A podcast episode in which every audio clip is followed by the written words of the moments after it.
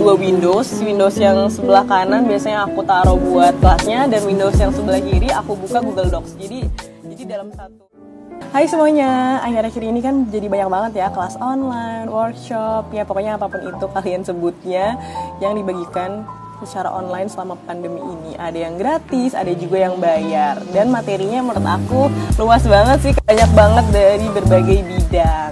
Oke, tapi masalahnya gimana sih caranya kita bisa belajar efektif, bisa memperoleh ilmunya tuh dengan efektif dari webinar, kelas online, dan lain-lain. Tips yang pertama adalah, jadi gini, kan ada kelas gratis, ada kelas yang bayar.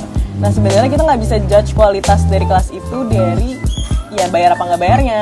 Jadi kalau kata Kak Dwinda, co-foundernya mau belajar apa, dia juga bilang penting sebelum kita ikut kelas online itu kita mengetahui siapa sih uh, pembicaranya, siapa sih gurunya, dan uh, poin pembelajaran apa yang bakal dibagikan. Oke, selanjutnya kalau kalian udah tahu mau ikut kelas apa, tips yang kedua, cari tahu dulu yuk tentang materi yang akan kalian ikuti nanti tujuannya adalah jadi kalian nggak blank-blank banget gitu loh. Nah, kenapa kita perlu research dulu ya biar lebih mantap aja. Kalau misal kalian baca-baca terus kalian malah bingung itu nggak apa-apa karena bingung itu malah bagus artinya otak kalian tuh terstimulasi dan poin plusnya lagi adalah kalian jadi bisa bikin list pertanyaan yang sekiranya nanti akan diajukan ketika sesi kelas berlangsung. Dan lebih bagus lagi kalau misalnya kalian bisa nanya-nanya hal yang aplikatif ke kehidupan kalian. Nah, kelas online ini biasanya uh, waktunya nggak terlalu banyak satu jam sampai dua jam.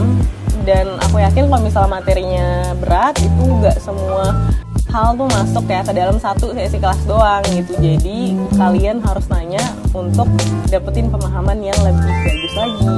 Itu tips ketiga adalah catat guys catet jangan males kalian tuh nggak mungkin bisa inget terus hal-hal kalau misalnya kalian tuh nggak catet gitu atau nggak nggak kalian ulang-ulang terus di otak nah jadi bikin catatan itu sangat membantu kalian buat retrieve memori-memori yang kalian dapetin saat kelas itu. Kalian nyatetnya bisa pakai apa pun. Kalau aku biasanya di laptop buka dua Windows, Windows yang sebelah kanan biasanya aku taruh buat kelasnya dan Windows yang sebelah kiri aku buka Google Docs. Jadi jadi dalam satu tampilan itu aku bisa sekalian lihat dan nyatet gitu. Nah kalau kalian gak catat itu paling seminggu dua minggu kalau materi yang gak kalian buka-buka lagi kalian udah lupa. Jadi sayang banget materinya dan ilmu itu bahkan hilang begitu saja. Jadi udah sih gitu aja tips dari aku. Coba kalau kalian punya tips-tips lainnya untuk ikut kelas online ataupun apa pun itu komen di bawah sini.